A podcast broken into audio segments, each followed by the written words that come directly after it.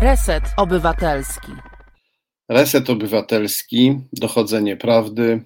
Tomasz Piątek. Dzień dobry, właściwie dobry wieczór. Reset Obywatelski. Przepraszam, Reset- włączył się pogłos z YouTube'a. Tak się zdarza, kiedy się nie wyłączy YouTube'a, jest się na StreamYardzie.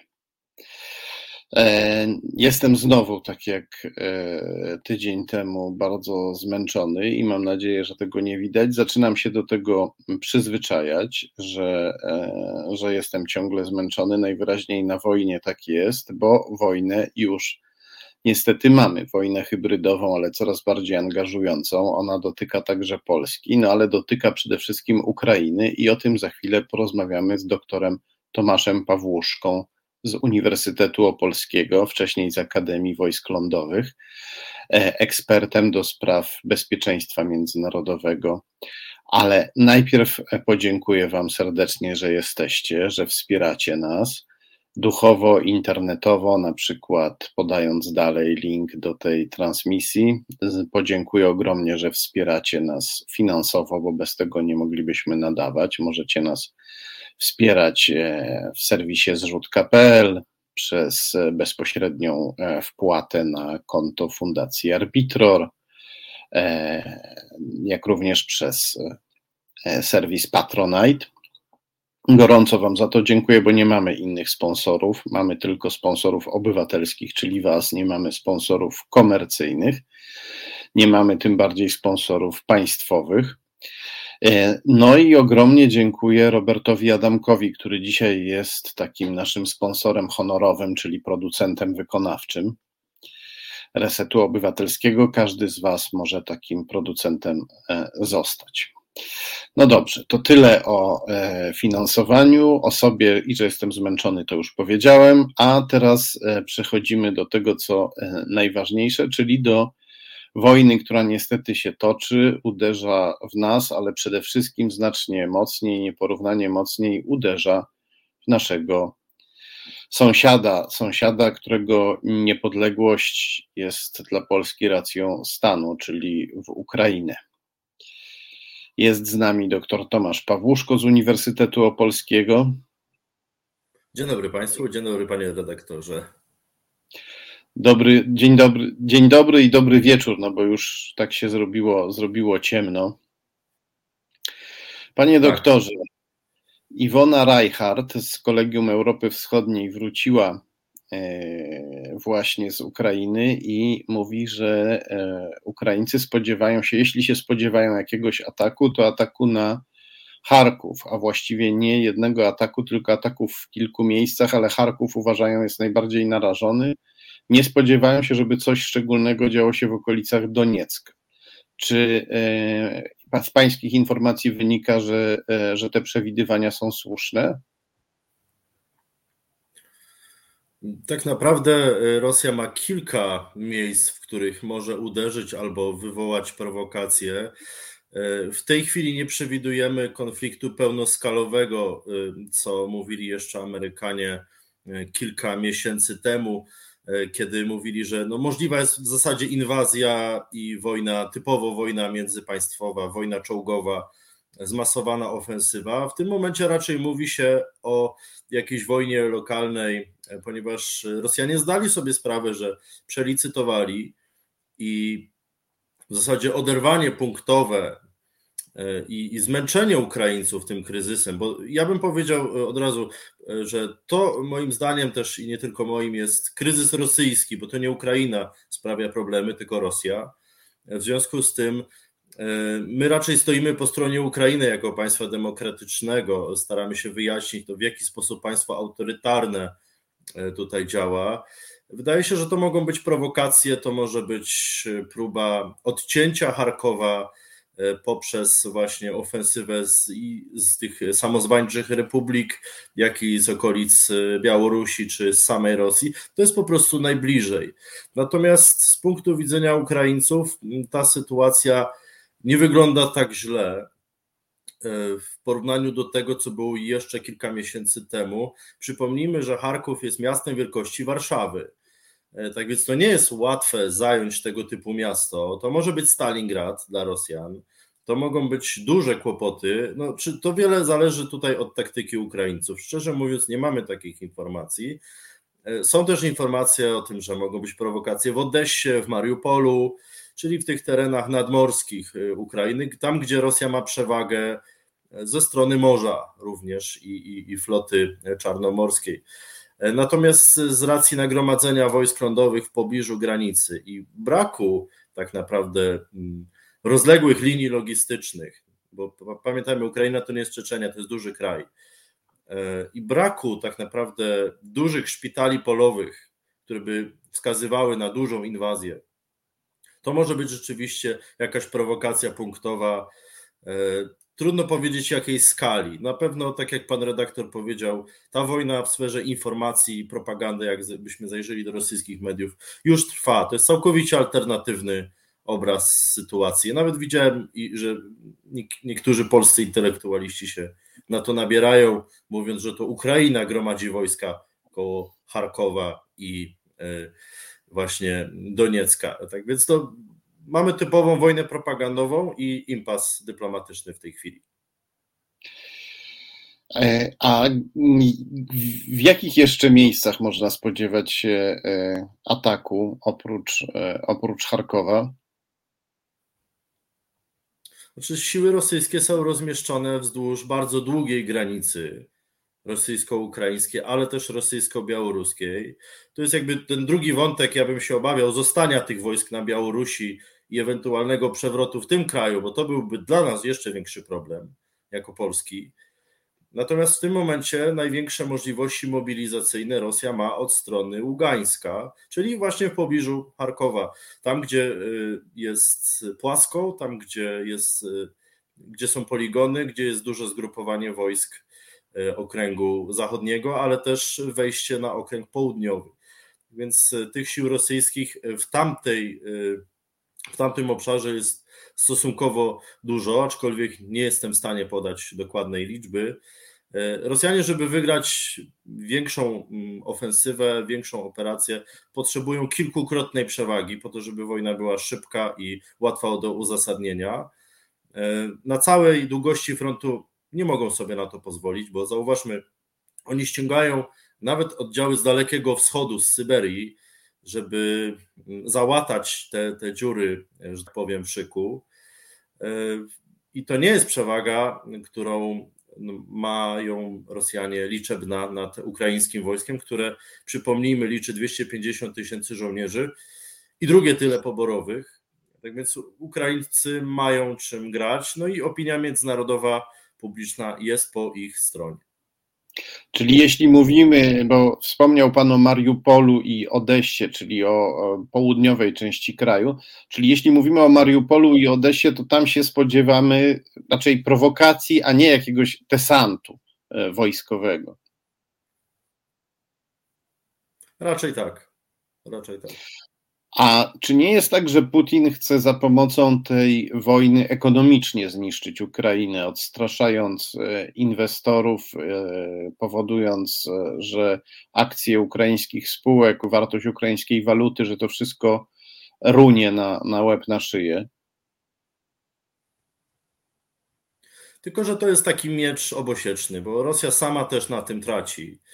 Mm. Tu nawet nie chodzi o gazociągi czy, czy spółki, po prostu wiarygodność Rosji spada dużo szybciej niż y, Ukrainy, ponieważ Ukraina umiała przedstawić się w roli ofiary y, i to jest bardzo niekorzystne dla rosyjskiej propagandy i też dla biznesu. No, widzimy zapowiedzi Amerykanów, teraz Brytyjczyków, że sytuacja rosyjskich spółek czy oligarchów w Londynie czy w innych miejscach znacząco się pogorszy w razie agresji.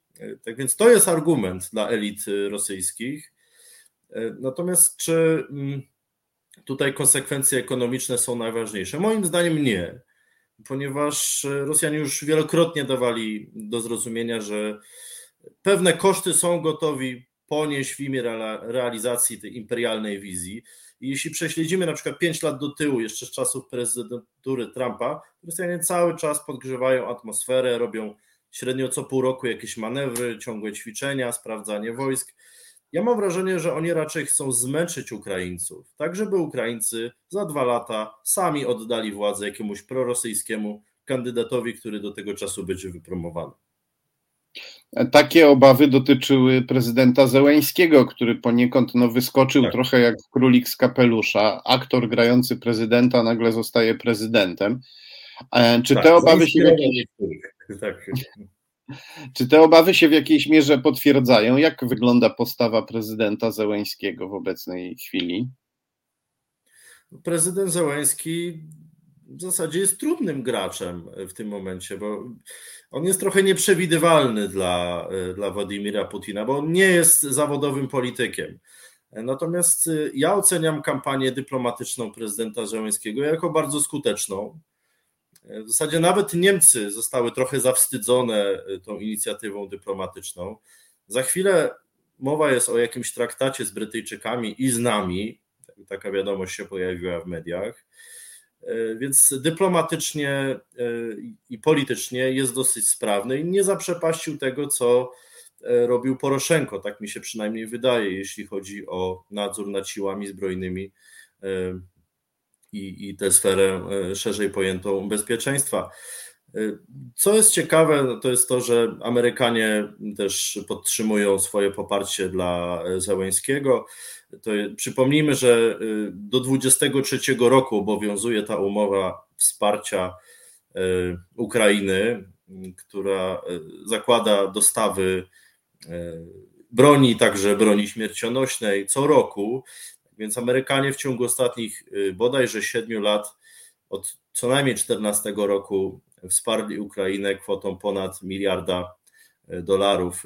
To, jest, to są duże pieniądze, jak na standardy ukraińskie, bo przypomnijmy, że PKB na obywatela Ukrainy jest prawie cztery razy niższy niż y, w Polsce.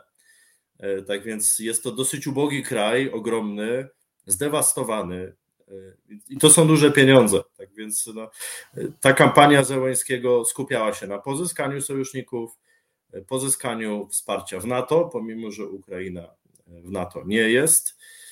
I szeroka kampania e, wśród krajów wschodniej flanki, czyli udało się Ukraińcom powiązać e, swoje bezpieczeństwo z krajami wschodniej flanki NATO, co jest dużym sukcesem prezydenta Zełęńskiego.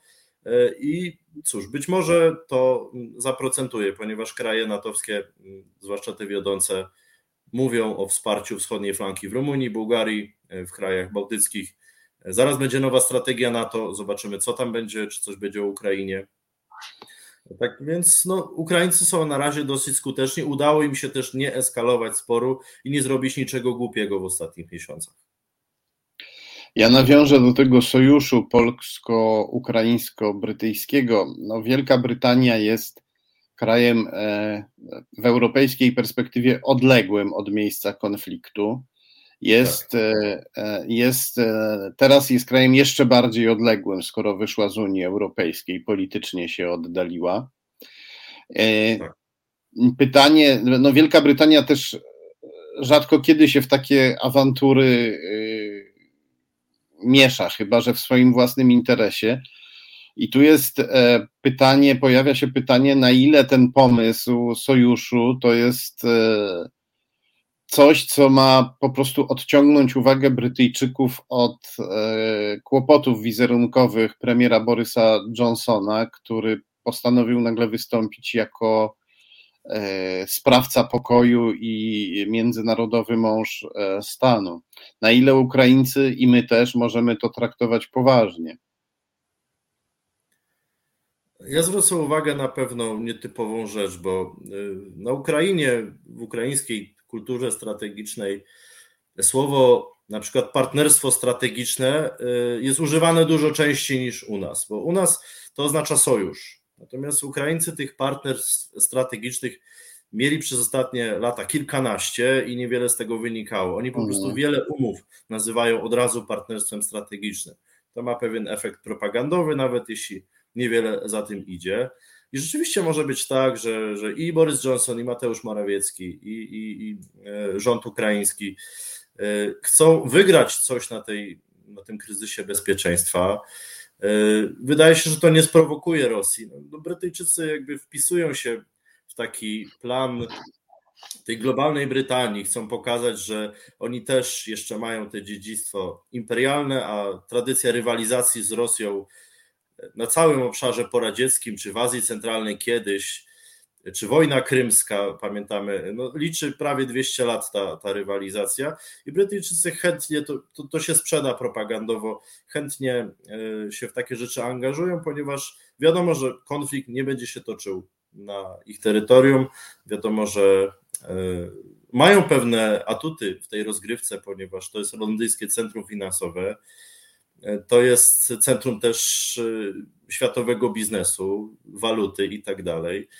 Rosyjski rubel stoi słabo, więc Londyn ma pewne karty, na które e, można, może Ukraina stawiać, przynajmniej jeśli chodzi o takie wsparcie, zarówno no, militarne, no nie będzie duże, to jest po prostu sprzedaż sprzętu, e, ale też wsparcie takie gospodarcze i symboliczne, czyli sojusz demokracji, czyli Brytyjczycy, kontra autorytaryzm rosyjski. To się nawet wpisuje w tą strategię, jaką państwa G7 w czerwcu zeszłego roku ogłosiły e, wobec autorytaryzmów całego świata, że teraz jest powrót do idei demokracji, sojusz demokracji. Tak więc dla Ukrainy to jest też taki no, dobrze brzmiący propagandowy zastrzyk e, energii. E, dla Polski to jest szansa wyjścia z impasu dyplomatycznego, chociaż nie bardzo wiadomo, co my mielibyśmy w tym momencie zaoferować w stronie ukraińskiej. Tak więc wygląda to bardzo ciekawie, natomiast y, szczegóły są niejasne. Pewnie więcej dowiemy się jutro. No, przepraszam, historycy służb specjalnych mówią, że ostatnia zdecydowan, ostatnią zdecydowaną interwencją Wielkiej Brytanii na e, terytorium E, Imperium Rosyjskiego nie, e, nie była wojna krymska, tylko pół wieku później, ponad pół wieku później e, zamordowanie Rasputina, szalonego mnicha, który był, który był doradcą cara i jego, i jego żony. Taka, jest taka wersja. Wśród różnych wersji śmierci mówi się, że arystokraci rosyjscy, którzy zabili Rasputina, byli inspirowani przez brytyjskie służby, które nie chciały, żeby Rasputin mieszał w głowie carowi i kompromitował Imperium Rosyjskie, wówczas sojusznika Wielkiej Brytanii. Skoro już mówimy o takich kwestiach, e, skoro zacząłem, bo to ja zacząłem mówić o takich kwestiach, no to dodam, że moim zdaniem Ukraińcy powinni bardzo ostrożnie podchodzić do koncepcji sojuszu z Johnsonem i Morawieckim. Johnson był wspierany przez e, Rosjan e, i no, znany jest z tego, że lubi pójść na imprezę do jakiegoś oligarchy rosyjskiego, a później go nieprzytomnego znajdują pod płotem śpiącego. Były takie słynne zdjęcia. A Morawiecki wielokrotnie obrażał Ukraińców, sugerował, że Ukraina to państwo upadłe, że za sprawą Ukrainy Polska, Polskę spotkały straszne klęski w przeszłości. E, mm, polityka Morawieckiego jest antyzachodnia, e, no a jego mentorem politycznym był jego ojciec, który jawnie głosił, że Polska powinna zawrzeć przyjaźń z Putinem. Na ile e, Ukraińcy gotowi są wierzyć w tę pisowską przyjaźń, tak to nazwijmy? Mnie się wydaje, że to jest przede wszystkim efekt propagandowy. Tutaj y, no, opinia publiczna y, ukraińska nie jest za bardzo poinformowana w szczegółach polityki polskiej czy brytyjskiej. To jest dla elit dobra wymówka. Natomiast w internecie znajdziemy mnóstwo głosów, także w Polsce, że to jest taki sojusz jak w 1939, że to nie działa, że to jest tylko wydmuszka, bo do dzisiaj nie wiemy, jakie to są rozmowy i o co chodzi, więc to sprawia wrażenie takiej właśnie no, szybkiej akcji dyplomatycznej, która będzie odpowiednio głośna dla liderów politycznych i korzystna. E, ale ja nie widzę tutaj jakiejś długofalowej e, strategii. Być może się czegoś więcej dowiemy jutro, jak e, to zostanie ogłoszone. Natomiast nie sądzę, żeby to przeważyło jakąś, jakoś szale na korzyść Ukrainy. Być może jest tak, że Niektórzy przywódcy mają informację, że ta inwazja raczej będzie słabsza, że to jest element taki deeskalujący tak naprawdę, a nie eskalujący. Więc jest próba skorzystania na, na sytuacji, kiedy wiele to nie kosztuje. E, a jak się to ma do NATO? E, kiedy my wchodzimy w sojusz z. E, jak się to ma do Unii Europejskiej i NATO? Kiedy wchodzimy w sojusz z Wielką Brytanią i Ukrainą, które są poza Unią Europejską, i wchodzimy w sojusz z Ukrainą, która nie jest w NATO, choć jest wspierana przez NATO, tworzy się obok NATO jakaś znacznie mniejsza, ale taka równoległa struktura, by nie powiedzieć alternatywna, ktoś mógłby tak to widzieć wrogowie NATO mogą to odebrać jako znak słabości NATO. No to NATO musi być słabe, skoro e, Ukraińcom nie wystarcza wsparcie samego NATO, tylko jeszcze oddzielnie z Polską i Wielką Brytanią jakiś sobie dziwny sojusz na boku tworzą. No bez wątpienia to zostanie wykorzystane przez rosyjską propagandę w taki sposób, być może nawet jak pan redaktor mówi. E, Ojej. To rzeczywiście może być rozbijanie jakby takiej takich, znaczy z punktu widzenia Polski rzeczywiście, no to jest y, próba pokazania, że Polska prowadzi jakąś politykę także poza NATO, że to jest wielowektorowe, że no ale to znów jest pokazywanie takiej pewnej słabości tego, że nie mamy tego przywództwa na wschodniej flance. Skoro nie y, budujemy wspólnych stanowisk z innymi krajami. Prezydent Duda wziął oczywiście udział w, w, tej, w tych rozmowach y, z Joe Bidenem. Natomiast no, Polska jakby stoi z boku i ja mam wrażenie, że to jest próba odwrócenia uwagi, pokazania trochę, że my też gdzieś stoimy, mhm. że, że my też się gdzieś tutaj liczymy, a sojusze takie bilateralne czy trilateralne dobrze wyglądają e, w opinii publicznej, e, w moim przekonaniu. No i tak to będzie sprzedawane. Natomiast co do Unii Europejskiej i do NATO, to jest. No, dwuznaczna sprawa. Znaczy, to jest za mało, żeby oceniać to jako jakiś kryzys dla, dla NATO czy Unii Europejskiej, bo NATO będzie mieć nową koncepcję strategiczną za kilka miesięcy i na pewno, na pewno będziemy mieć tutaj dyskusję o roli Polski, o roli wschodniej flanki. Jeśli weźmiemy znów ostatnie pięć lat, no to udział Amerykanów w zapewnianiu bezpieczeństwa wschodniej flanki znacząco wzrósł i militarny, i finansowy. Tak więc to będzie jeden z niewielu obszarów, gdzie Amerykanie będą angażować większe siły lądowe, bo z Bliskiego Wschodu się wycofują, wzmocnili trochę Izrael. No niestety z Afganistanem im poszło dużo gorzej, nie wiadomo co będzie z Irakiem, ale sojusze z Arabią Saudyjską, Turcją jakoś się jeszcze trzymają. Natomiast na Chiny Amerykanie będą potrzebowali wojsk lotniczych i marynarki wojennej, która trochę była na drugim planie w ciągu ostatnich 20 lat. Co do Unii Europejskiej, być może jest taka myśl w kręgach polskiej prawicy, że jeśli my zapewniamy bezpieczeństwo, to nam odpuśćcie te sprawy z praworządnością i tak dalej. Takiego pakietu nie da się zrobić, to od razu trzeba powiedzieć, ponieważ to są zupełnie inne sprawy. Owszem, traktat z Maastricht mówił, że Unia będzie kiedyś tworzyć jakieś, jakąś wspólnotę bezpieczeństwa, i rzeczywiście traktat lizboński mówi o opcji pogłębionej współpracy, jeszcze w zasadzie nawet już traktat amsterdamski, w obszarze obronności, ale jedyne mm, instrumenty, jakie Komisja Europejska ma w dziedzinie bezpieczeństwa, to jest de facto rozwój e, współpracy zbrojeniowej, czyli polityka przemysłowa, czyli gospodarka. E, w tym momencie mamy już Europejską Służbę Działań Zewnętrznych, mamy wysokiego przedstawiciela, czyli taką dyplomację unijną, mamy różne organy sztabowe, mamy organy e, takie eksperckie, nawet wywiadowcze, natomiast e, grupy bojowe, których jest 15 w Unii Europejskiej, nigdy nie zostały użyte, a mija już 15 lat od ich powołania, a Europejski Korpus Szybkiego Reagowania nigdy nie powstał. Tak więc te pomysły, które na przykład Radosław Sikorski podnosi, no są dosyć takie zabawne, e, ponieważ no one są.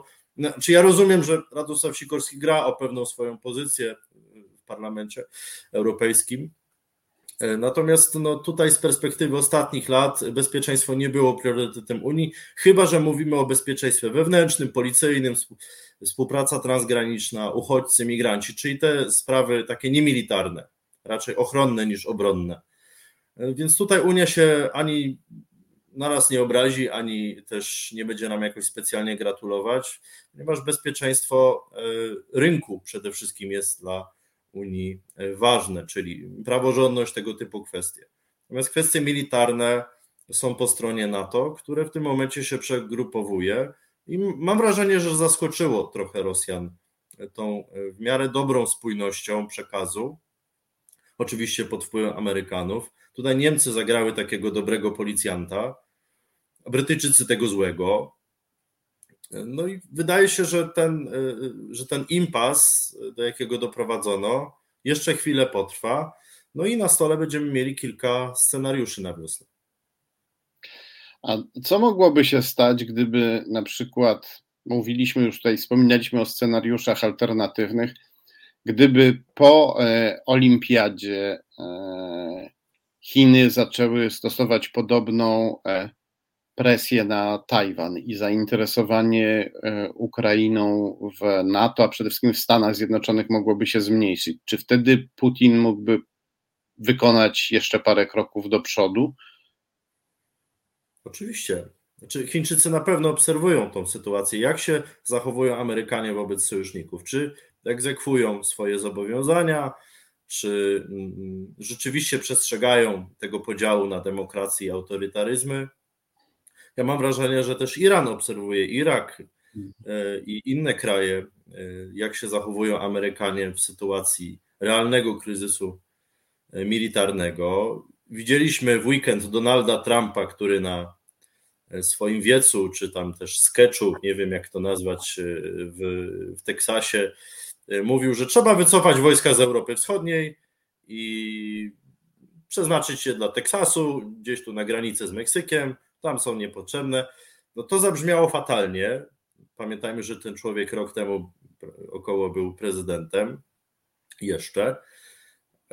I dzisiaj taki zwrot, i na pewno Rosjanie też na to będą grać, na to, żeby te siły populistyczne e, rozbijać tą, tą, jakby tą liberalną ideę Zachodu, racjonalnej dyskusji, e, tych przywódców prodemokratycznych, e, no, ponieważ da się zawsze znaleźć kogoś, kto za pomocą nowoczesnych social mediów jest w stanie zrobić wyrwę w tym takim prozachodnim dyskursie, jeśli chodzi o Europę Wschodnią, ale to się wpisuje niestety w dyskurs taki, że no, Europa Wschodnia to jest taka gorsza część NATO, to jest problem. To bardzo pasuje Rosjanom takie postawienie sprawy. To jest, to jest powiedzenie, że no widzicie, no trzeba było się z nami dogadać, a nie z tymi problematycznymi e, krajami, które są pokłócone, małe, nic wam nie dają, tylko problemy. E, teraz przyjęliście sobie kolejny problem, to jest Ukraina. Dajcie spokój, to jest nasza strefa wpływów. Czy Rosjanie mają wiele powodów, żeby tak mówić, bo od Ukrainy zależy ich też status w polityce europejskiej, czy nawet szerzej światowej. Jeśli Putin by odchodził, nie sądzę, że odejdzie za 2-3 lata, ale nie chciałby być na pewno zapamiętany jako ten człowiek, który zbombardował Czeczenię i stracił Ukrainę. To by była katastrofa dla Rosji. A Chińczycy patrzą, bo pamiętają, że Rosjanie mają półtora miliona kilometrów dawnej chińskiej Mandżurii. No, tutaj no, trzeba powiedzieć, że e, nie wiedziałem o tej wypowiedzi Trumpa, bo on jeszcze niedawno się chwalił, że e, e, gdyby on rządził, to nie byłoby żadnego kryzysu na Ukrainie. I główna analityczka CNN, Gloria Borger, skomentowała: No pewnie, że Putin by swojemu przyjacielowi Trumpowi takiego kłopotu nie zrobił, natomiast swojemu wrogowi, jakim jest Biden, taki kłopot chętnie zrobi.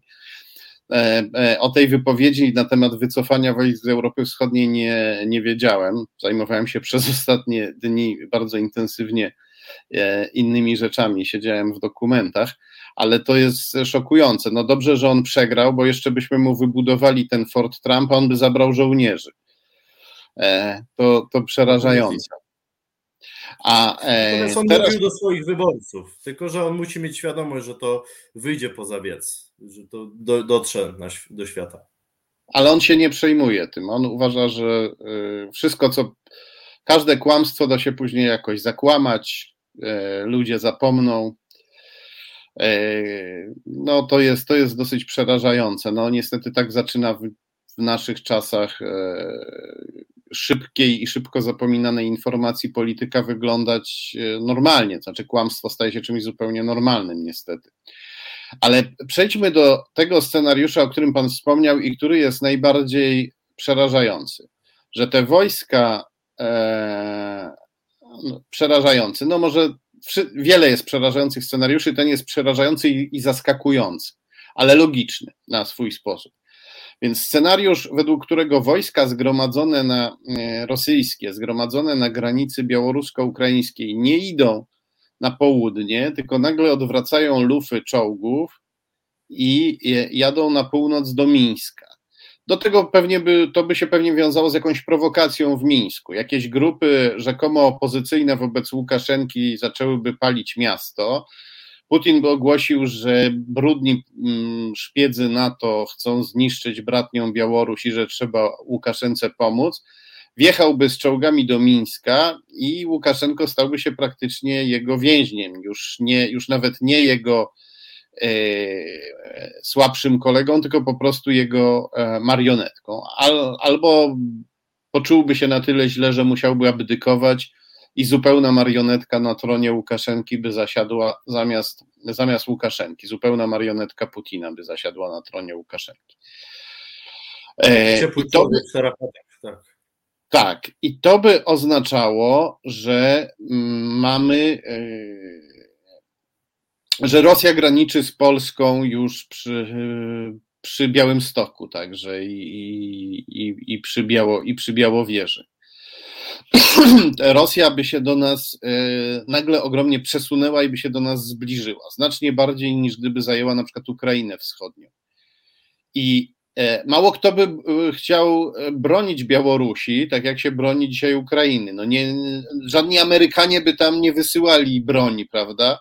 Nie byłoby wielkiej akcji dyplomatycznej. Nie, jeśli, jeśli byłyby jakieś sankcje, to pewnie symboliczne, niestety. Na ile to jest prawdopodobne?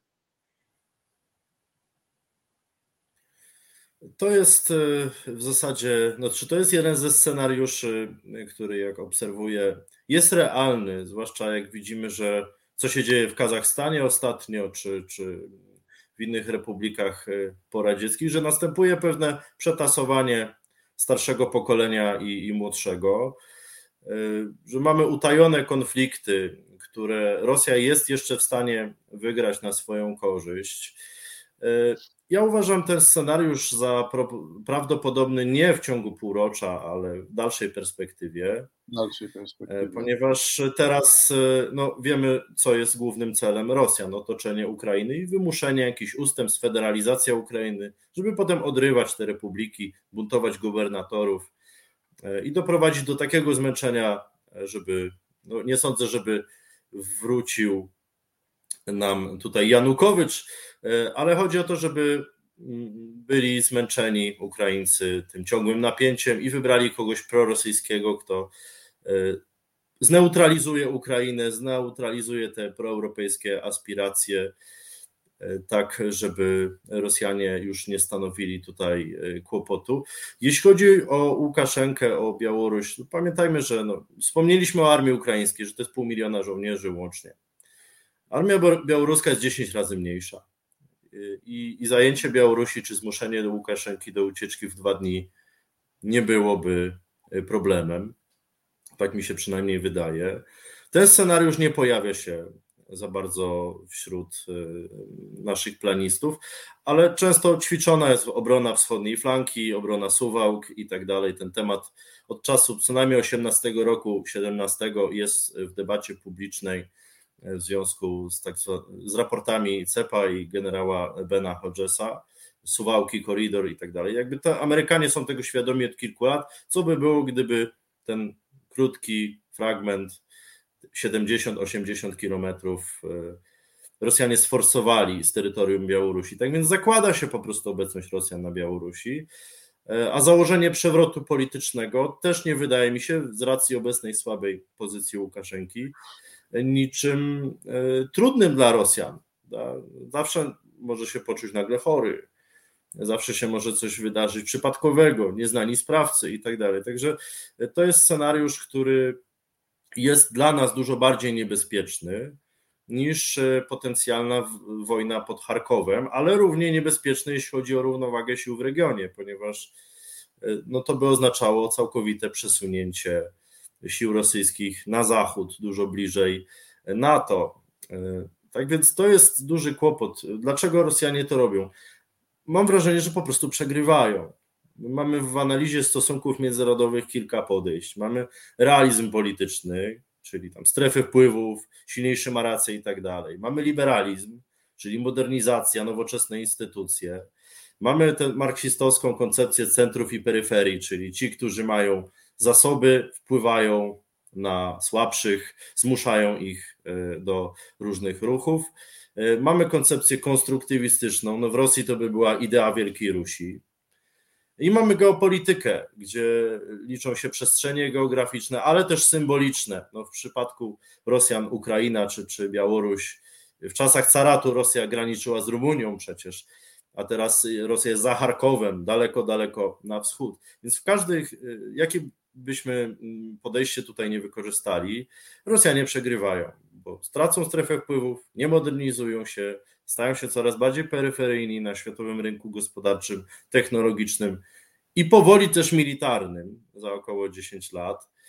E, tracą ta, w optyce konstruktywizmu swoją taką strefę, ten, ten, ten, ta święta Ruś, ten powrót do idei Wielkiej Rusi się Putinowi nie udał, bo główny, drugi kraj byłego Związku Radzieckiego po prostu nie chce w tym uczestniczyć. To jest porażka Rosjan.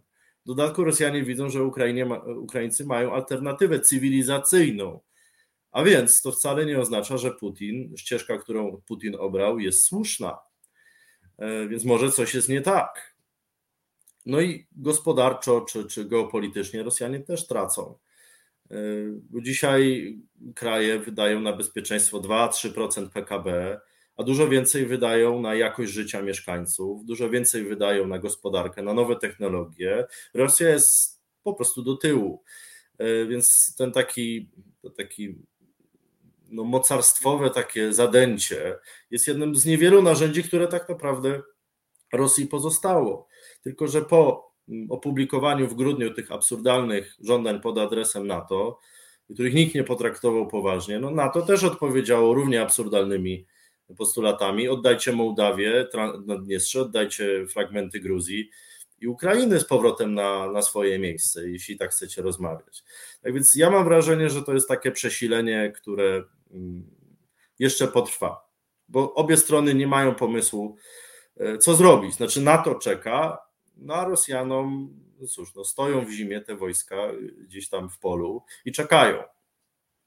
To jest pad. No, a może wśród rosyjskich elit rządzących, wśród generalicji, oligarchów, dygnitarzy, wysokich urzędników, dyplomatów, e, e, dojrzewa świadomość, że czas na jakiś przewrót pałacowy i, i, i, że po Piotrze Wielkim może powinna przyjść jakaś Katarzyna, bo Piotr był wielki i potężny, ale jak niedźwiedź, prawda?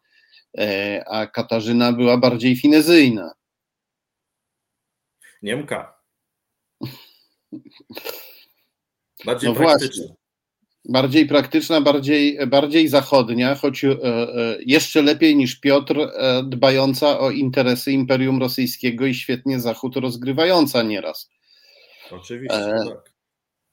Ale czy są jakieś przecieki, jakieś słuchy na ten temat, że coś tam mogłoby się w Moskwie zmienić na szczytach władzy? Moim zdaniem e, w najbliższym okresie jest to raczej wykluczone, ponieważ no, mamy w tej chwili kolejną centralizację władzy w Rosji. E, do, docierają do nas informacje, zresztą są akty prawne, tak, które każdy może przeczytać, że Rosjanie raczej rezygnują z tych metod e, takiego wielopoziomowego zarządzania w swoim otoczeniu. Z powrotem jest prowadzony nadzór Wzmocniona jest rola FSB, która ma de facto funkcję konstytucyjną ochrony ustroju. Tak więc służby w Rosji trzymają się mocno i, i no w tym momencie mamy takie gesty pod adresem jeszcze wojska, tak więc cały czas resorty siłowe cały czas resorty siłowe mają decydujące znaczenie. Putin opozycjonistów wsadza do więzień, czego przykładem jest Nawalny.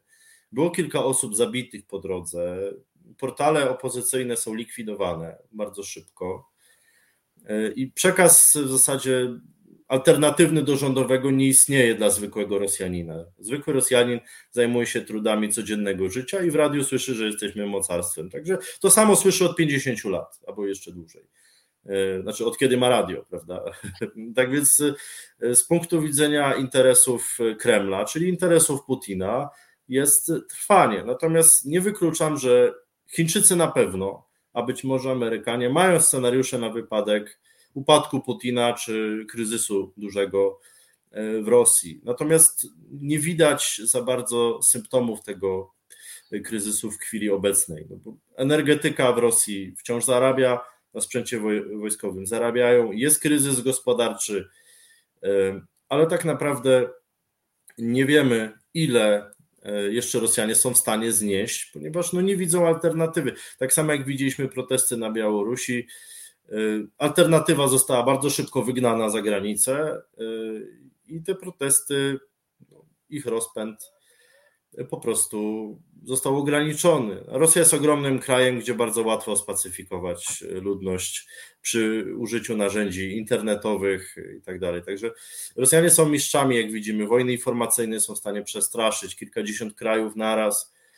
Są w stanie straszyć swoje własne społeczeństwo izolując je od informacji. Więc no, dla nas scenariusz, pamiętam takie dyskusje jeszcze, jak pracowałem w wojsku, mieliśmy takie seminaria nowego urządzenia polskiego i tam się pojawiały scenariusze właśnie, a co będzie, jeśli w 24-5 roku Putin zrezygnuje, tak jak Jelcyn, bo powiedzmy, że jest chory, a tego nie wiemy, bo czas, od czasu do czasu plotki się pojawiają, ale na co, gdzie, nie, nic pewnego.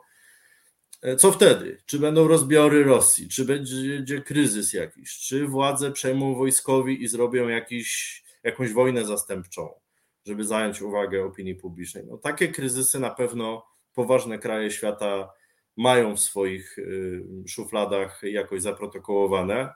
Możliwe scenariusze rozwoju sytuacji, ale z perspektywy obecnej, tak naprawdę aż do końca tej kadencji Putina, która upływa za około dwa lata, e, nie mamy zbyt wiele do powiedzenia.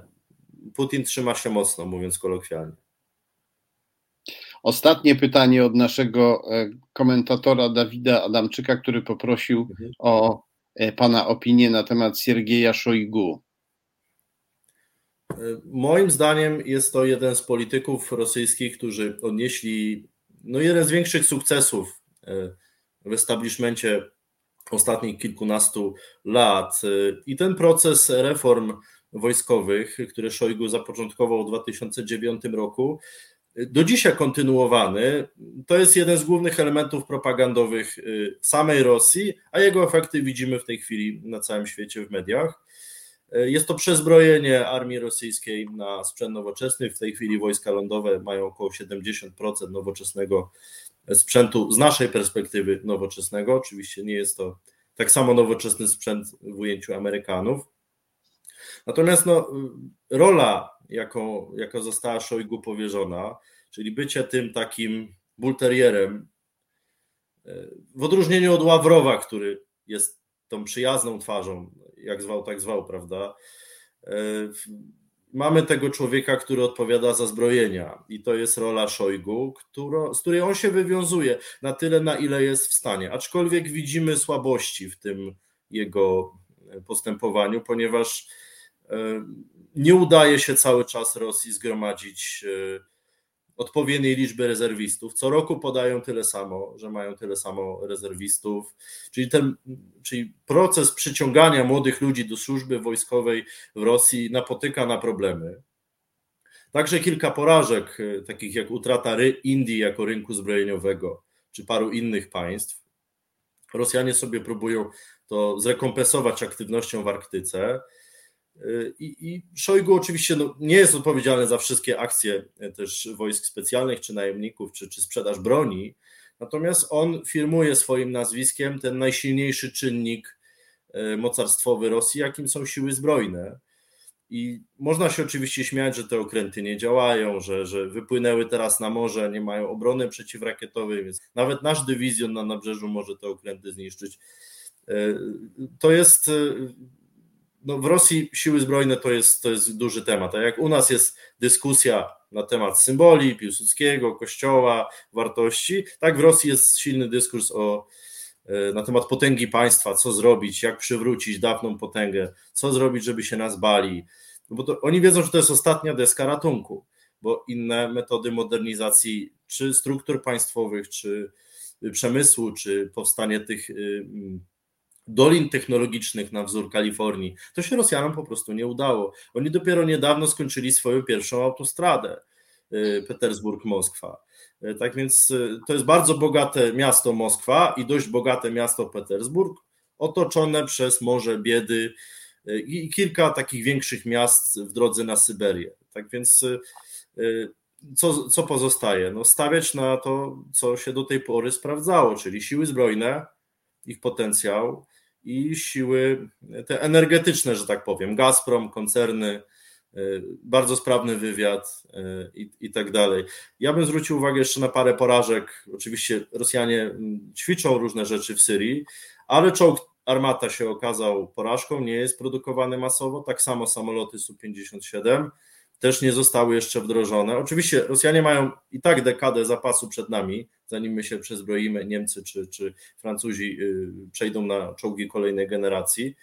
Y, więc mają i tak czas na te pomyłki, ale no, próbowali to propagandowo wykorzystać, to im się nie udało. Także systemy Panzer, które kilkakrotnie zostały zniszczone w różnych miejscach, które Rosjanie też tak reklamowali. Więc te hitowe produkty rosyjskiego eksportu troszeczkę, znaczy też rosyjskiej myśli technologicznej, bo eksportu jeszcze nie, eksportu w przyszłości, trochę się okazały niewypałami. Ja jeszcze zwrócę na koniec przez przerwę na jeszcze jedną rzecz, uwagę. Otóż Rosjanie cały czas grasują w Syrii yy, i w Afryce. I to jest kolejny temat. Oni tam mogą wychwytywać różnych specjalistów, różnych terrorystów, różnych wywrotowców, których będą nam podsyłać w latach dwudziestych w Europie być może. I znów informować, że Zachód jest zgniły i, i nie panuje nad sytuacją bezpieczeństwa. Jest tak, zalewany przez islamskie hordy. No, widzieliśmy to przy granicy, prawda, białorusko-polskiej, ale to mówimy o, tutaj o operacjach różnych, także specjalnych. Ogromnie dziękuję za rozmowę. Dużo się dowiedziałem i myślę, że nasi widzowie również. I zapraszam na przyszłość. Będę się, będę się, będę zapraszał jeszcze i myślę, że nasi widzowie też zapraszają. Dziękuję Państwu. Dziękuję Panie redaktorze. Dziękuję Panie doktorze i do zobaczenia.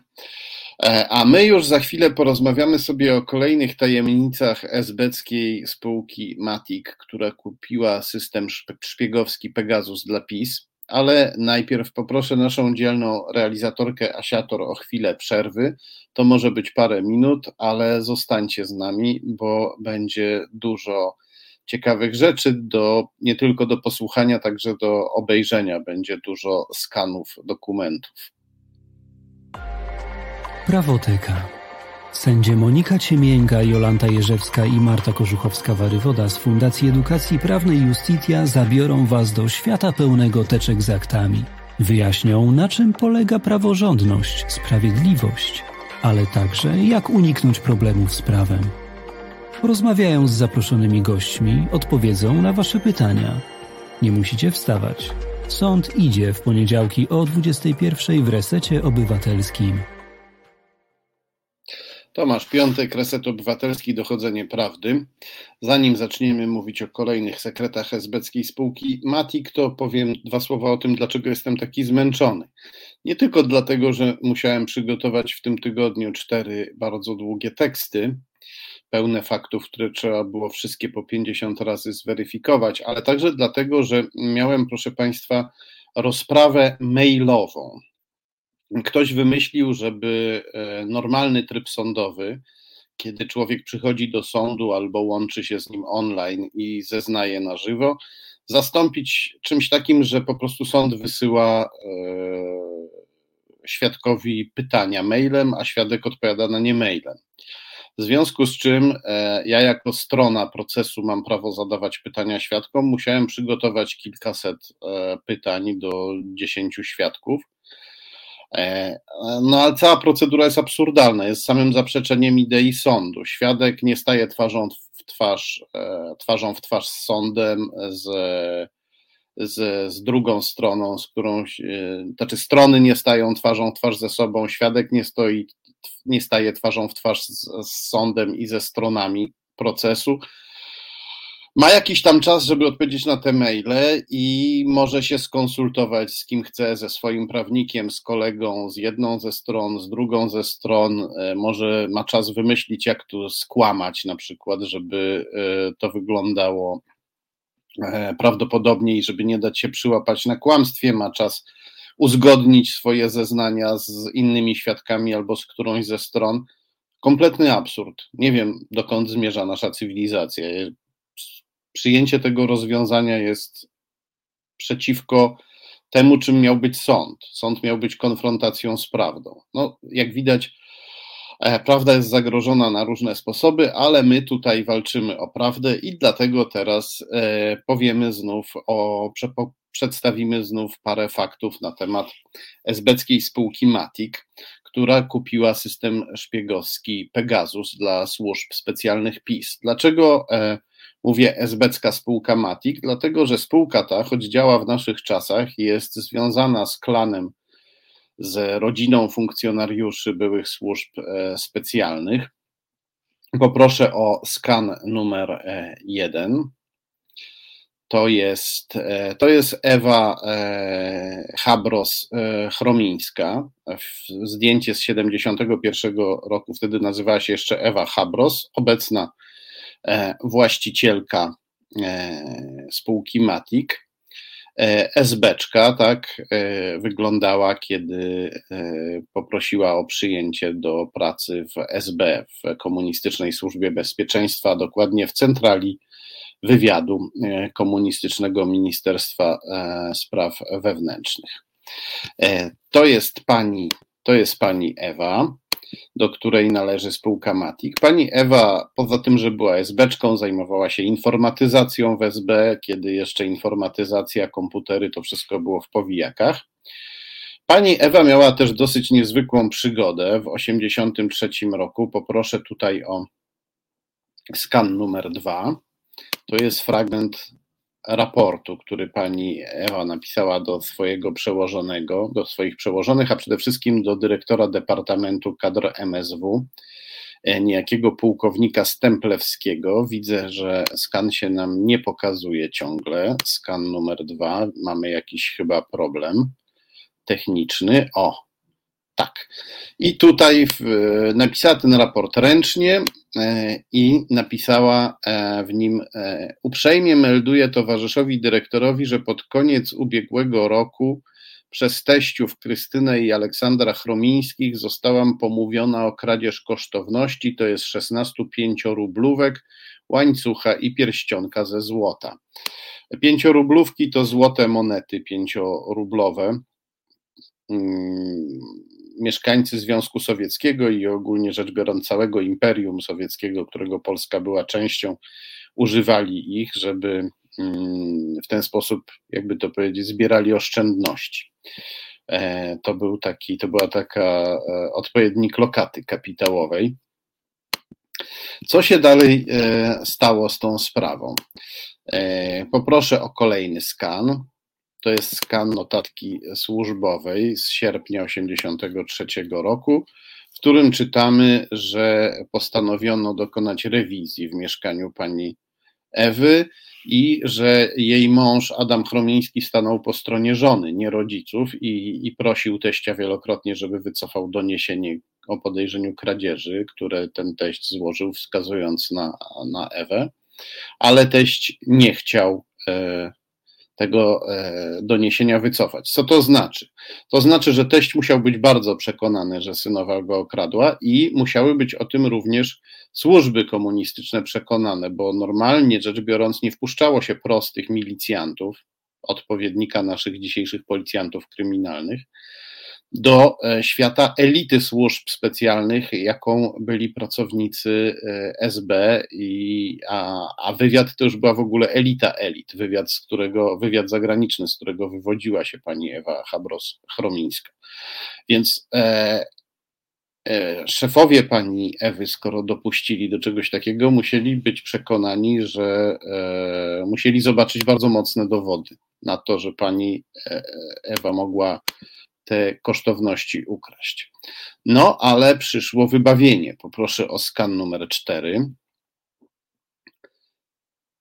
To jest e, skan postanowienia o umorzeniu śledztwa.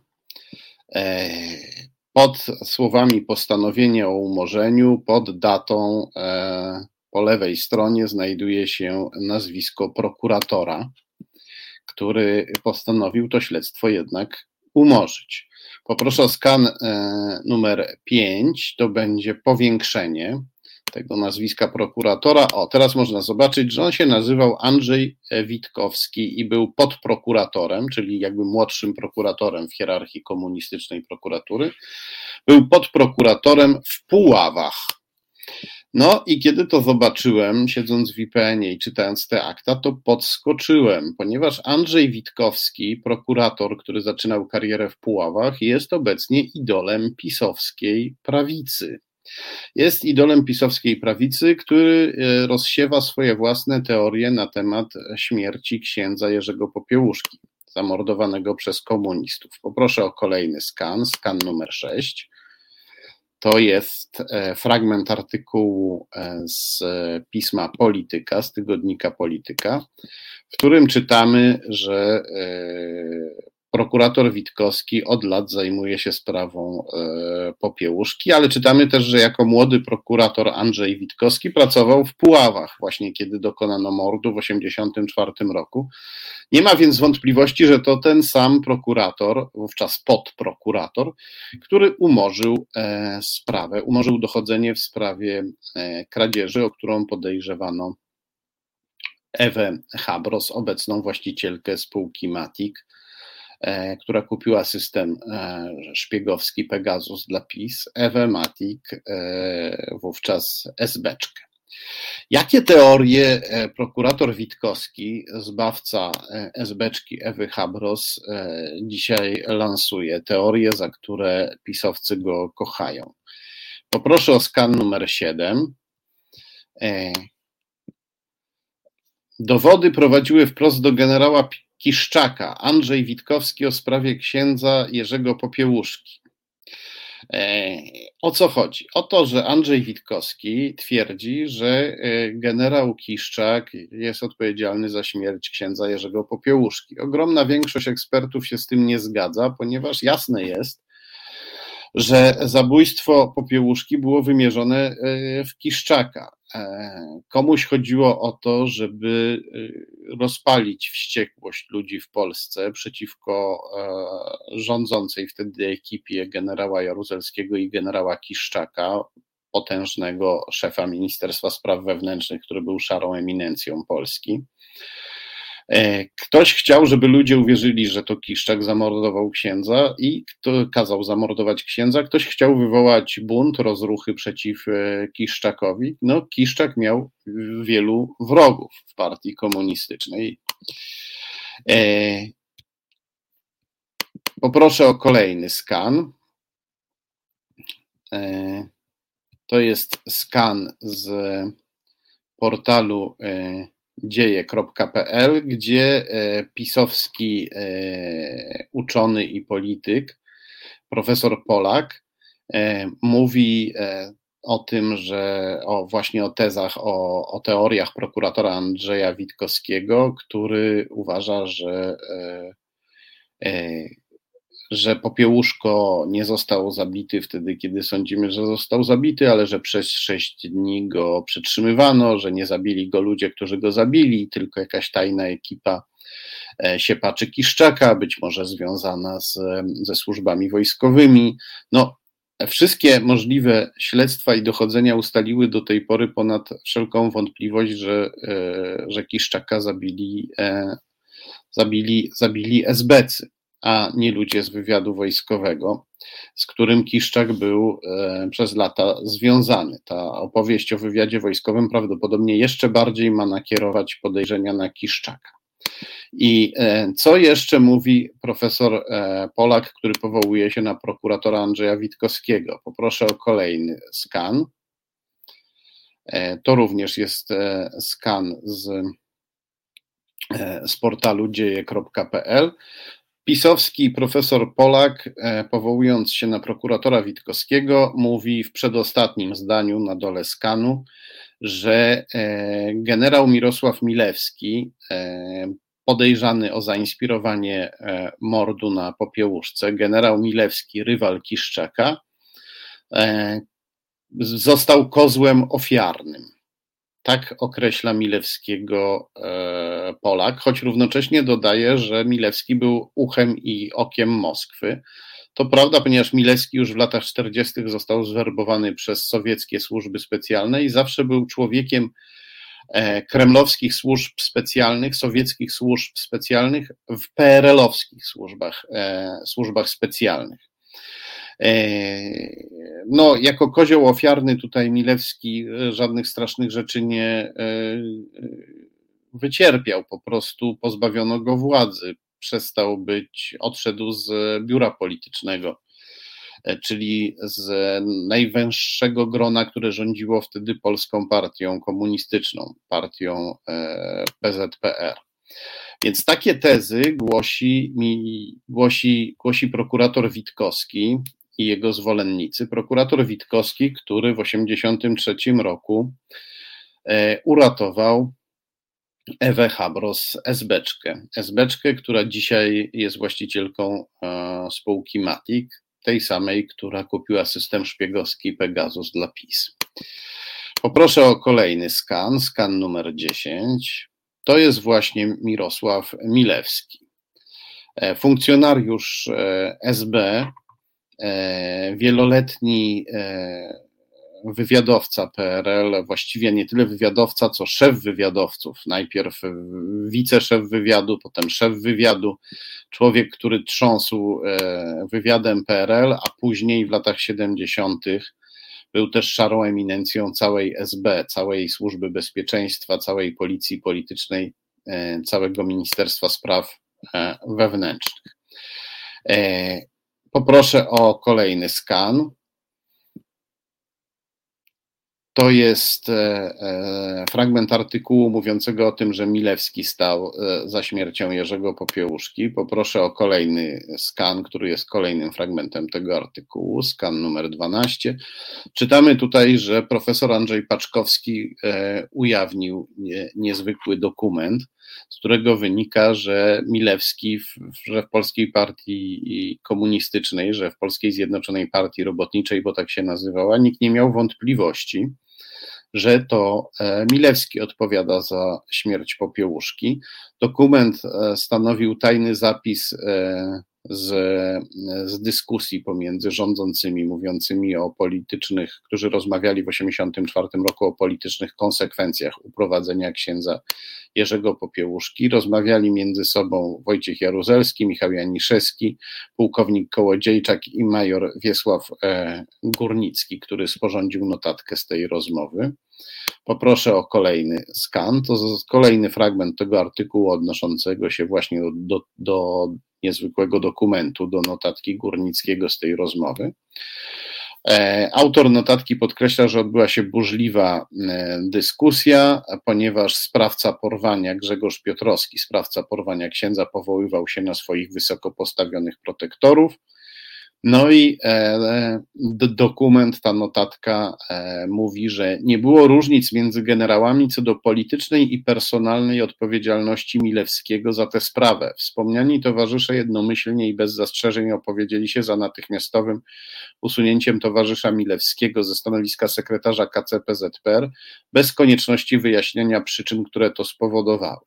To oczywiste. No, e, w komunizmie obowiązywała tajność Milewski chciał skompromitować Kiszczaka, ale gdyby ujawniono, że e, wysoko postawiony członek partii Milewski stał za morderstwem, no kompromitowałoby to też e, kompromitowałoby to też całą partię komunistyczną. Dlatego Milewskiego usunięto po cichu.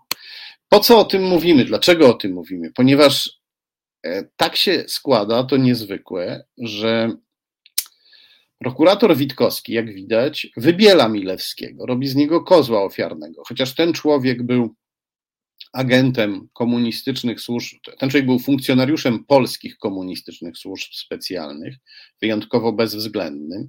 Jego ludzie dokonywali e, brutalnych napadów na Zachodzie, a potem przywozili kosztowności do Polski. To był, jakby to powiedzieć, e, równocześnie polityk, szpieg i gangster. To był właśnie Mirosław Milewski. A jednak prokurator Witkowski, idol PiS, idol polskiej prawicy, wybiela Milewskiego. Twierdzi, że to znacznie bardziej, e, oczywiście względnie, ale jednak znacznie bardziej liberalny Kiszczak odpowiada za śmierć księdza, e, księdza Popiełuszki. To niezwykłe, że Witkowski wybiera Milewskiego, a jeszcze bardziej niezwykłe się to staje, kiedy,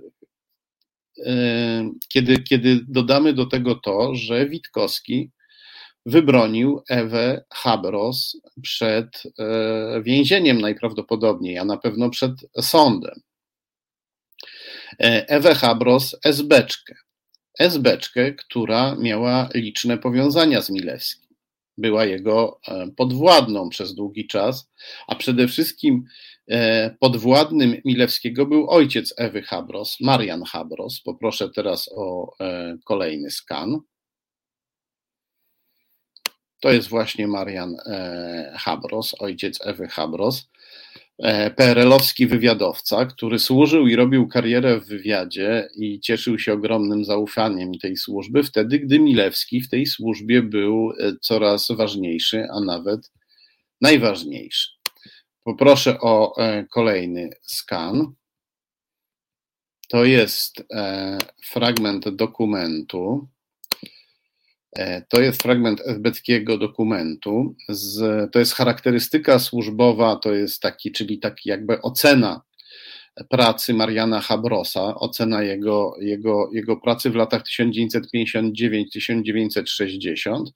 Czytamy w niej, że e, Habros, ojciec e, Ewy Habros, jest zdyscyplinowany, rzutki, przejawiał dużo inicjatywy operacyjnej, prawidłowo kierował, a przede wszystkim już od marca 1959 roku pełnił obowiązki kierownika grupy francuskiej. To znaczy, że siedząc w Warszawie wtedy jeszcze, odpowiadał za wszystko, co polscy agenci, co szpiedzy polskiego PRL-owskiego wywiadu e, robili we Francji.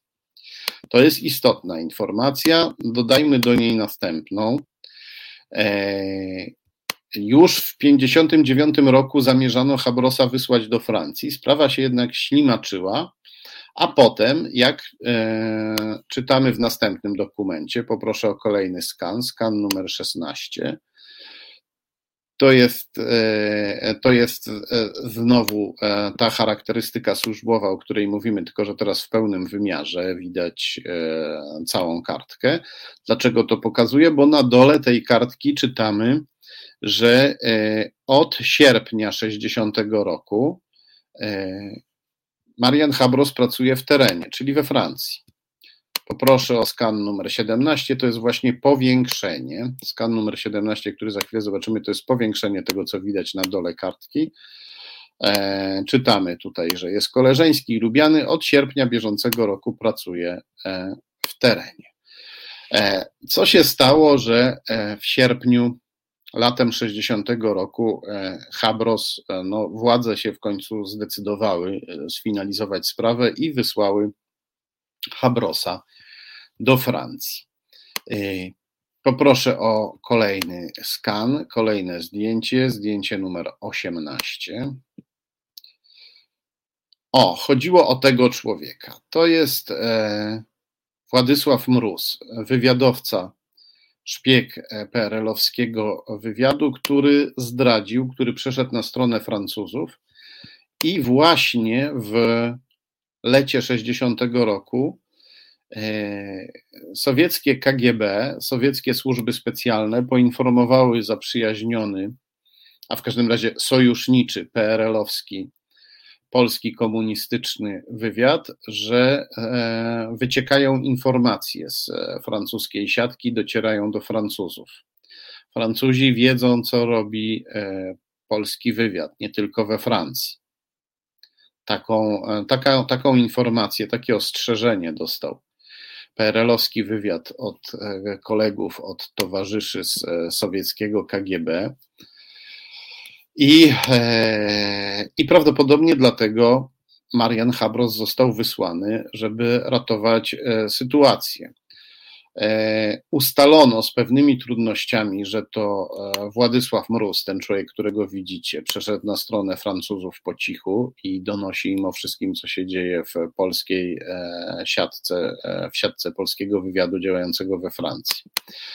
No i co postanowiono? Poproszę o E, kolejny skan. To jest skan jednego z licznych artykułów dostępnych w sieci na temat Władysława Mroza. Sprawa jest e, w polskich mediach internetowych, była wielokrotnie przypominana. Postanowiono, że e, kapitan Mróz musi zginąć. Zabito go, zabito go w październiku. Czytamy tutaj, że że, e, że został zabity, a 27 października znaleziono jego e, zwłoki w samochodzie zaparkowanym na wysypisku odpadów. Zginął od dwóch strzałów w głowę. E, więc tak to wygląda. Ojciec Ewy Habros, tej pani, do której należy spółka, która kupiła Pegasus dla PiS, ojciec Ewy Habros, właścicielki firmy, która kupiła system szpiegowski Pegasus dla PiS, miał taki epizod w karierze, że w 60 roku w sierpniu pojechał do Francji tropić zdrajcę, a dwa miesiące później zdrajca już nie żył.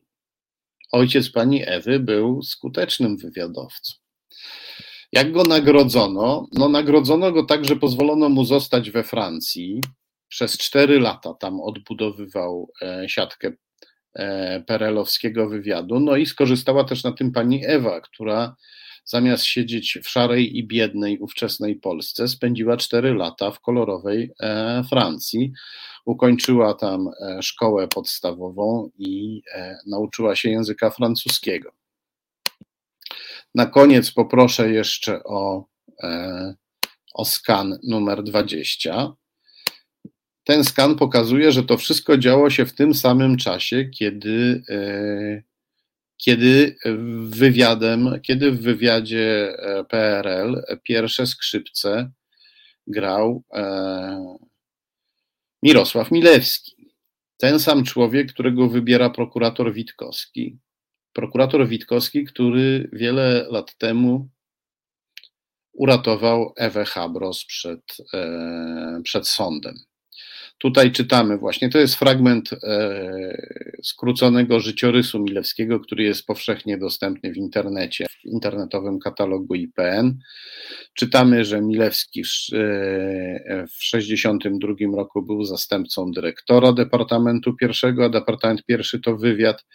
Potem był dyrektorem w 1969 roku i to był okres, w którym Habros e, ojciec Ewy Habros kwitł we Francji, potem przeniesiono go do Aten, tam narozrabiał, ale Milewski go, e, mówiąc kolokwialnie, właściwie tylko za to opieprzył.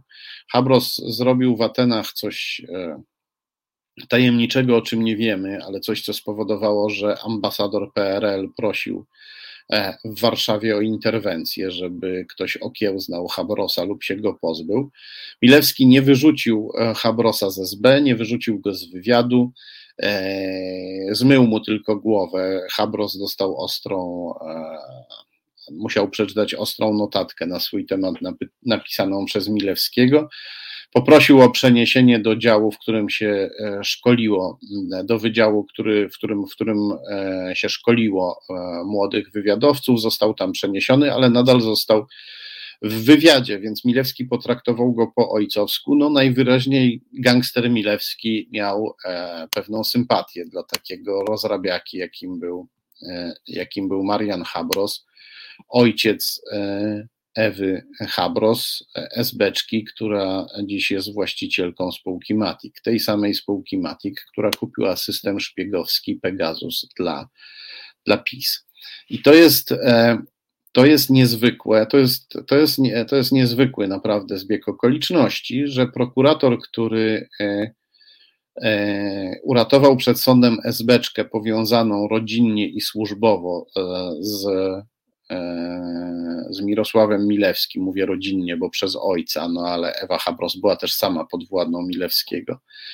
To niezwykłe, że prokurator, który, e, który kiedyś uratował Ewę Habros przed sądem, teraz jest e, idolem PiS i wybiera i wybiela, wybiela tego samego Milewskiego, z którym związana była Ewa Habros.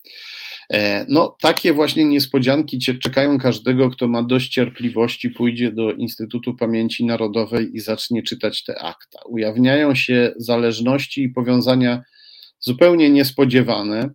E, widać pewną e, też konsekwencję trwającą przez całe dekady, jeśli chodzi o związki niektórych, niektórych środowisk dopóki nie czytamy akt Instytutu Pamięci Narodowej, akt Krajowego Rejestru Sądowego, gdzie są akta spółek, e, dopóki nie czytamy ksiąg wieczystych, które pokazują nam, do kogo należą nieruchomości, to tak naprawdę nie wiemy, jak wygląda tkanka społeczna elit naszego kraju.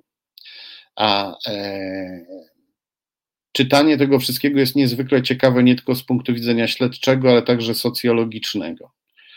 E, ten, kto czyta te materiały, zaczyna rozumieć, że Polska potrzebuje bardzo gruntownej reformy, nie tylko politycznej, i zaczyna tej reformy pragnąć.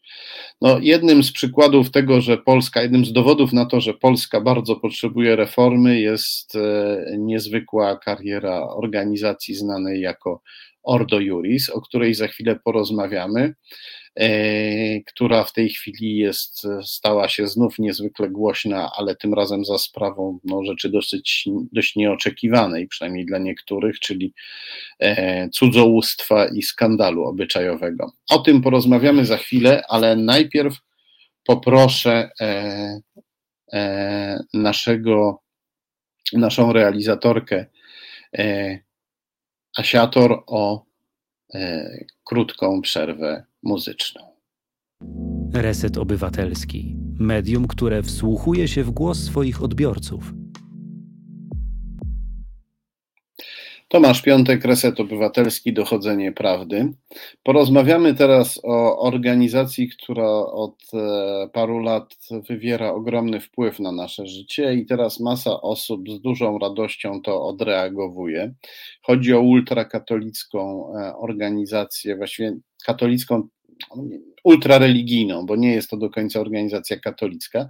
Chodzi o ultrareligijną organizację Ordo Juris, e, która się która jest współodpowiedzialna za drastyczne zaostrzenie zakazu aborcji w Polsce, co przyczyniło się do śmierci już co najmniej trzech e, kobiet.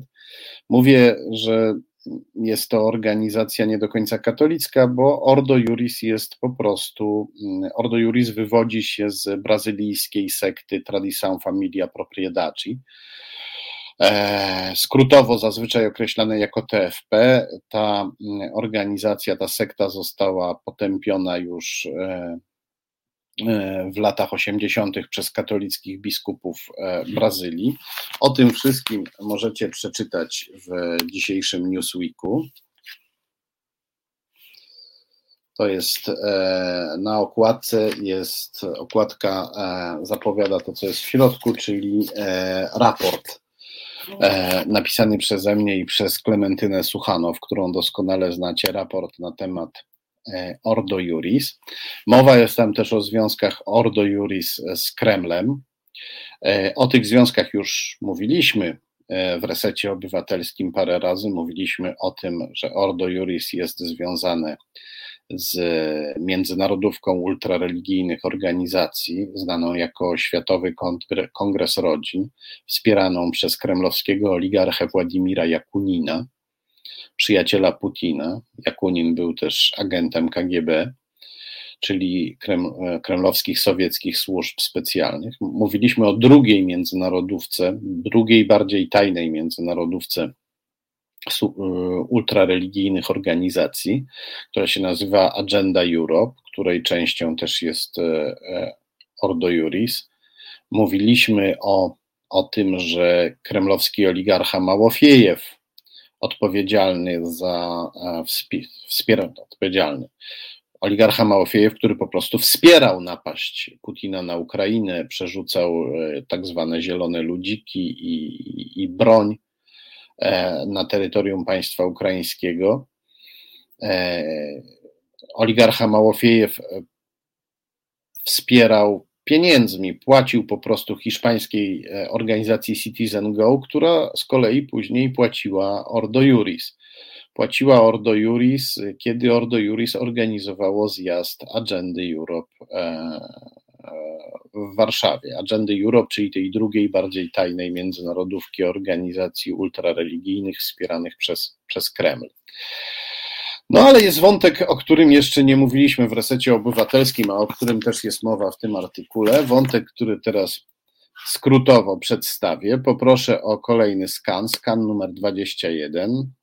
To jest właśnie e, fragment naszego e, raportu, który znajdziecie w tygodniku Newsweek. E, to są ustalenia Klementyny Suchanow. Czytamy tutaj e, ustalenia doskonale udokumentowane, jak zresztą wszystko, co robi Klementyna Suchanow, e, jak wszystko, co publikuje Klementyna Suchanow. Czytamy tutaj, że założycielem Agendy Europe, czyli tej drugiej, tajniejszej międzynarodówki, założycielem Agendy Europe, której warszawski zjazd organizowało Ordo Juris, jest Luca Volonté Włoski polityk, który w 2013 roku przyjął 2 e, miliony 390 tysięcy euro z dwóch wielkich postsowieckich pralni pieniędzy. Poproszę teraz o kolejny skan, tym razem e, skan z serwisu EU e Observer, czyli Europejski Obserwator.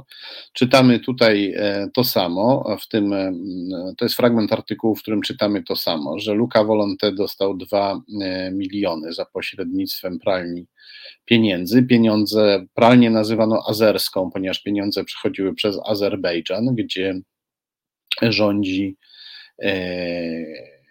sojusznik Putina Ilham Alijew, e, brutalny i skorumpowany dyktator. Część jego rodziny mieszka pod Moskwą. Pełnią prawdopodobnie rolę czegoś w rodzaju zakładników nieoficjalnych. Putin ma część rodziny Alijewa na oku i w ten sposób wie, że Alijew będzie lojalny. Takie to są właśnie bandyckie, bandyckie układy. I poproszę o kolejny skan. Skan numer 23.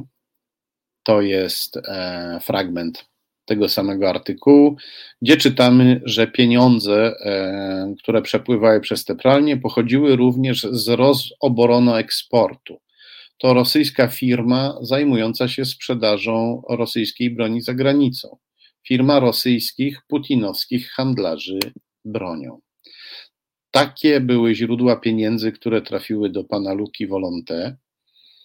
Pieniądze te później e, trafiły między innymi do Polski, o czym pisała włoska prasa. E, trafiły też do Irlandzkiego Instytutu, który również wspierał agendę, e, agendę Europe.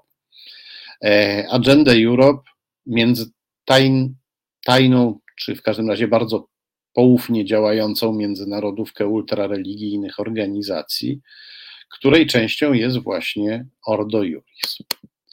Poproszę o kolejny skan. To jest właściwie klatka z filmu, fragment z filmu nakręconego na Nowym Świecie, nie, na krakowskim przedmieściu w Warszawie. E, w momencie, w którym e, polska policja brutalnie e, biła i, i, i maltretowała osoby LGBT, które tam protestowały przeciwko łamaniu ich praw, a przyklaskiwał temu i cieszył się właśnie ten pan, który stał na chodniku i e, mówił o tym, e, powiedział też parę słów, nakręcono to telefonem, mówił o tym, jak to dobrze się w Polsce dzieje, właśnie, że się takich ludzi e, bije. Kim jest ten pan? To jest e, Paul von Oldenburg. Poproszę o kolejny skan. To jest fragment, fragment książki, fragment opracowania niemieckiego, w którym czytamy, że Paul von Oldenburg jest europejskim przedstawicielem TFP, czyli właśnie tej sekty, z której wywodzi się Ordo Juris. E, czytamy tu również, że Paul von Oldenburg jest kuzynem Beatrix von Storch, e, niemieckiej polityczki. Poproszę o kolejny e, skan. Tutaj czytamy, że Paul von, to jest, to jest fragment artykułu portalu ph24.pl, portalu który jest, e, który, który jest prowadzony przez Stowarzyszenie imienia Piotra Skargi, przez e, ludzi tego stowarzyszenia. To jest stowarzyszenie, które jest polską częścią TFP, tej brazylijskiej sekty, o której mówiliśmy przed chwilą. I e, członkowie tego stowarzyszenia założyli Ordo Juris. E, I tutaj czytamy o konferencji na temat e, ochrony płodów, która miała miejsce w Warszawie i która odbyła się pod patronatem jego książęcej wysokości Pawła Księcia von Oldenburg. Tak panowie z TFP, założyciele Ordo Juris, nazywają Paula von Oldenburga. Kim jest pan von Oldenburg? E, no, niestety w, w przypadku Paula von Oldenburga musimy zacząć od jego pochodzenia. Nie mówiłbym o sprawach rodzinnych, gdyby nie to, że uprzywilejowana pozycja Paula von Oldenburga ma e, związek z, e, z jego pochodzeniem. Jego to dzięki swojej rodzinie. Oldenburg jest człowiekiem wpływowym, obracającym się w najwyższych e, kręgach konserwatywnej części niemieckiego społeczeństwa.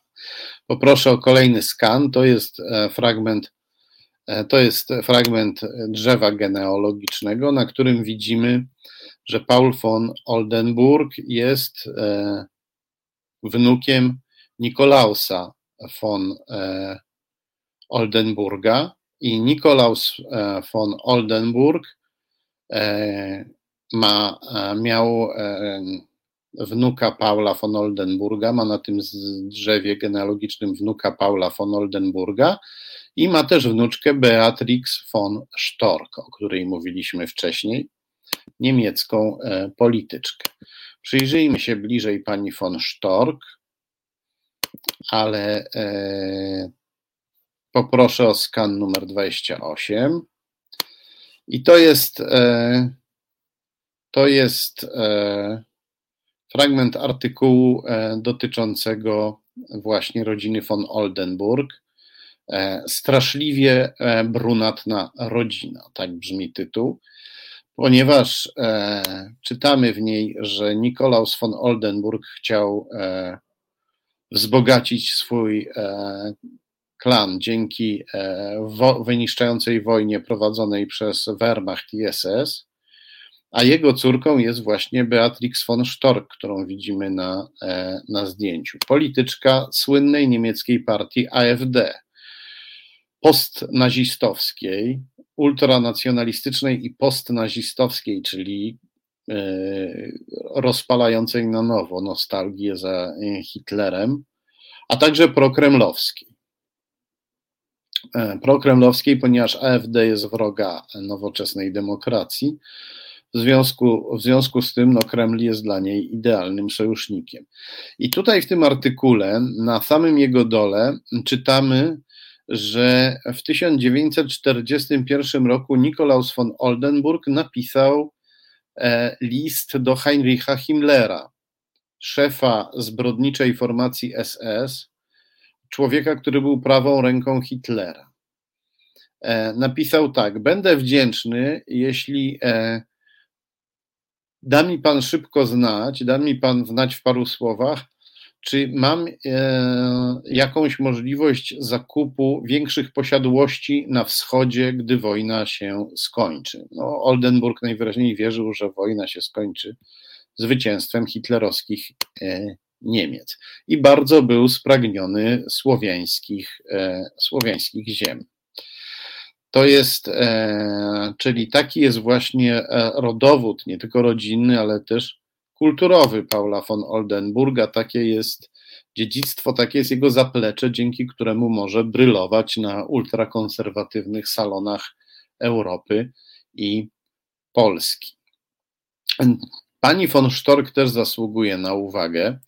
Ona też głosi rzeczy, które są e, zbieżne z e, ideologią TFP, czyli brazylijskiej sekty, z której wywodzi się Ordo, e, Ordo Juris. Pani von Stork wielokrotnie reprezentowała AfD swoją partię w parlamentach przewodziła jej e, w pewnej mierze również przez jakiś czas. E, I jej bliskim współpracownikiem jest jej mąż. Dlatego, znowu mówię o sprawach rodzinnych, ale dlatego, że one w tym przypadku wiążą się z działalnością polityczną i społeczną. I poproszę o kolejny skan. To jest skan kolejnego artykułu na temat pani von Stork, w którym czytamy, że e, w Pani von Stork jest być może najbardziej wpływową twórczynią sieci e, wpływu w niemieckich kręgach konserwatywnych, a wspiera ją w tym jej mąż Sven von e, Stork. E, razem przewodzą całej grupie organizacji, które, które wspierają polityczną karierę pani von Stork. Kim jest ten mąż? Kim jest Sven von Stork? Poproszę, w tym przypadku łatwo się bardzo tego dowiedzieć. Ciekawość naszą zaspokaja nawet Wikipedia, aczkolwiek tutaj te informacje z Wikipedii, które pokazuje, można potwierdzić w wielu różnych źródłach. Pan von Stork wywodzi się z Chile, aczkolwiek też z Niemiec.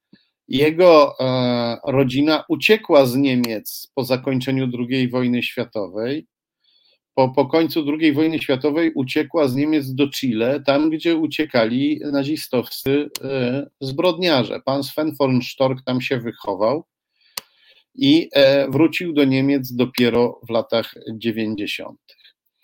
No, Ameryka Łacińska to jest kolebka e, TFP, czyli tej sekty, z której wywodzi się Ordo Juris. No i tak się składa, że pani von Stork ma liczne związki z Ameryką Łacińską, nie tylko przez swojego męża. Poproszę teraz o skan numer 31. Tutaj pani von Stork i jej mąż obściskują się z brazylijskim autorytarnym liderem Jairem Bolsonaro który, e, którego ideologia i retoryka jest całkowicie oparta na naukach sekty TFP, o czym można przeczytać w wielu licznych źródłach, e, które e, już niedługo prawdopodobnie też udostępnię w internecie, bo na temat Ordo Juris będę, będę będziemy z Klementyną jeszcze, jeszcze publikować. I tak się składa, że pan Sven von e, doradzał Jairowi Bolsonaro, e, człowiekowi, którego TFP e, wykreowało na prezydenta Brazylii, człowiekowi bardzo niebezpiecznemu, odpowiedzialnemu między innymi za to, że płonie dżungla amazońska, co jest katastrofą nie tylko dla Brazylii, także dla świata. Pan von Stork doradza panu Bolsonaro w sprawach zagranicznych. E, to jest, to co widzimy, to jest fragment artykułu e, z portalu Chile Today. Poproszę o kolejny skan. Ostatni już dzisiaj to jest też skan e, z dalszej części tego artykułu. Po co pokazuje ten skan? No bo tutaj ktoś mógłby powiedzieć, no dobrze, pan Sven von Stork, rodzina pana von Storka uciekła z Niemiec, gdy zbliżali się Rosjanie, no ale może nie tylko naziści uciekali, prawda? No, komunizmu, nie trzeba być nazistą, żeby bać się komunizmu. Być może faktycznie wielu niemieckich nazistów schroniło się w Chile, ale może rodzina pana von Storka taka nie była. No cóż, e, okazuje się, że sam z siebie pan von Stork też nie e, stronił od e, ultraprawicowych środowisk. E, trzeba pamiętać, że no, naziści w powojennej niemieckiej diasporze w Chile odgrywali ogromną rolę i zapewne nie jest przypadkiem to, co, o czym czytamy w artykule e, chilijskiego portalu, w artykule, we fragmencie artykułu, który właśnie teraz pokazuję, to, że kiedy tylko pan von Stork wrócił z Chile do Niemiec w latach 90., natychmiast zaczął organizować ultraprawicowe e, reakc, reakc, reakcyjne organizacje, mówi tutaj portal. I kiedy, no trzeba wiedzieć, że kiedy w Niemczech się mówi o, o słowo reakcja, e, w Niemczech oznacza e, zazwyczaj oznacza sympatie nie tylko ultraprawicowe, ale po prostu e, nazistowskie, neonazistowskie lub postnazistowskie. Zresztą w Niemczech trudno, żeby organizacja ultraprawicowa nie była jakoś w jakiejś mierze zakorzeniona e, w nazizmie, w hitleryzmie. No to było największe prawicowe i ultraprawicowe doświadczenie, jakie Niemcy E, przeżyły. Przeżyły ciężko, a jeszcze ciężej przeżyli to sąsiedzi Niemiec i cała Europa, kiedy Niemcy ogarnięci tym ultraprawicowym e, szałem e, mordowali i, i niszczyli. Dlatego no, zdumiewająca jest bezczelność, z jaką pan von Oldenburg E, na przykład straszy Polaków, bo robił to, że Bruksela nam szykuje totalitaryzm. Ktoś taki jak Paul von Oldenburg, e, człowiek TFP, który przyjeżdża do Polski i cieszy się z bicia homoseksualistów, no, Paul von Oldenburg powinien ostrożnie używać słowa totalitaryzm i powinien pamiętać, że Hitler nie tylko bił homoseksualistów, ale nazistowskie bicie homoseksualistów przeobraziło się w ich masowe mordowanie, wywożenie do obozów koncentracyjnych. Zdumiewające jest to, najbardziej zdumiewające jest to, że Polacy, którzy e, żyją w, w, kraju strasznie doświadczonym hitleryzmem, e, że wielu Polaków potrafi się zachwycać takim Paulem von Oldenburgiem, e, nie bacząc na przeszłość jego rodziny i na jej teraźniejszość, na panią Beatrix von e, Stork, która działa w postnazistowskiej e, partii AfD. I kiedy mówię tutaj rodzina, to mam na myśli nie tylko więzy rodzinne, mam na myśli tutaj rodzinno-biznesowo-polityczno-organizacyjny klan. Mówimy tutaj o pewnej elicie władzy, a nie tylko o tym, że ktoś jest czyimś, czyimś kuzynem. E, zdumiewające jest to, że e, tylu Polaków nie widzi w takim Oldenburgu przyjeżdżającym do Polski po prostu e, potomka hitlerystów, potomka nazistów, potomka nie tylko w sensie biologicznym, potomka duchowego, potomka politycznego. E, zdumiewające jest to, że wielu Polaków uważa, że taki Oldenburg jest dobrym katolikiem, nawet dobrym chrześcijaninem, chociaż należy do sekty potępionej przez katolickich biskupów Brazylii. Nie chcę już tutaj teraz wnikać w to, na ile e, katolicyzm jest, e, jest chrześcijański. Jestem bardzo krytyczny wobec katolicyzmu, ale TFP to coś znacznie, znacznie gorszego. O tych wszystkich sprawach będziemy jeszcze informować razem z niestrudzoną Klementyną Suchanow. E, ja ogromnie jej dziękuję za pracę, którą wykonuje. Dziękuję naszej dzielnej realizatorce Asiator, która mimo różnych kłopotów dzisiaj dzielnie dawała, e, dawała radę. Ogromnie Wam wszystkim dziękuję za to, że jesteście. E, dziękuję Wam za to, że nas wspieracie, że udostępniacie link do tej transmisji. Dziękuję za to, że e, łapki dajecie, czyli lajkujecie. Gorąco zachęcam, żeby włączyć się w licytację dwóch książek wydawnictwa Arbitror, Duda i jego tajemnice oraz Morawiecki i jego tajemnice. E, wystawiło wydawnictwo na Allegro te pozycje w ramach wspierania Wielkiej Orkiestry Świątecznej pomocy. Gorąco dziękuję wszystkim, którzy wejdą i zalicytują. Te książki oczywiście są z dedykacjami e, autorów, czyli w przypadku Dudy to jest Marcin Celiński i ja, w przypadku Morawieckiego to jestem ja. Kto kupi tę książkę, nie, dostanie także dedykację, a przede wszystkim wesprze e, Wielką Orkiestrę Świątecznej Pomocy, do czego gorąco zachęcam. Tak samo jak zachęcam do tego, żeby wspierać nas przez wpłaty na konto e, Fundacji Arbitror albo poprzez zbiórkę na portalu zrzutka.pl albo w serwisie Patronite, gdzie też można nas wspierać. Ja się już z Wami e, żegnam. Raz jeszcze Wam e, dziękuję. Za chwilę prawoteka, a my widzimy się i słyszymy za tydzień.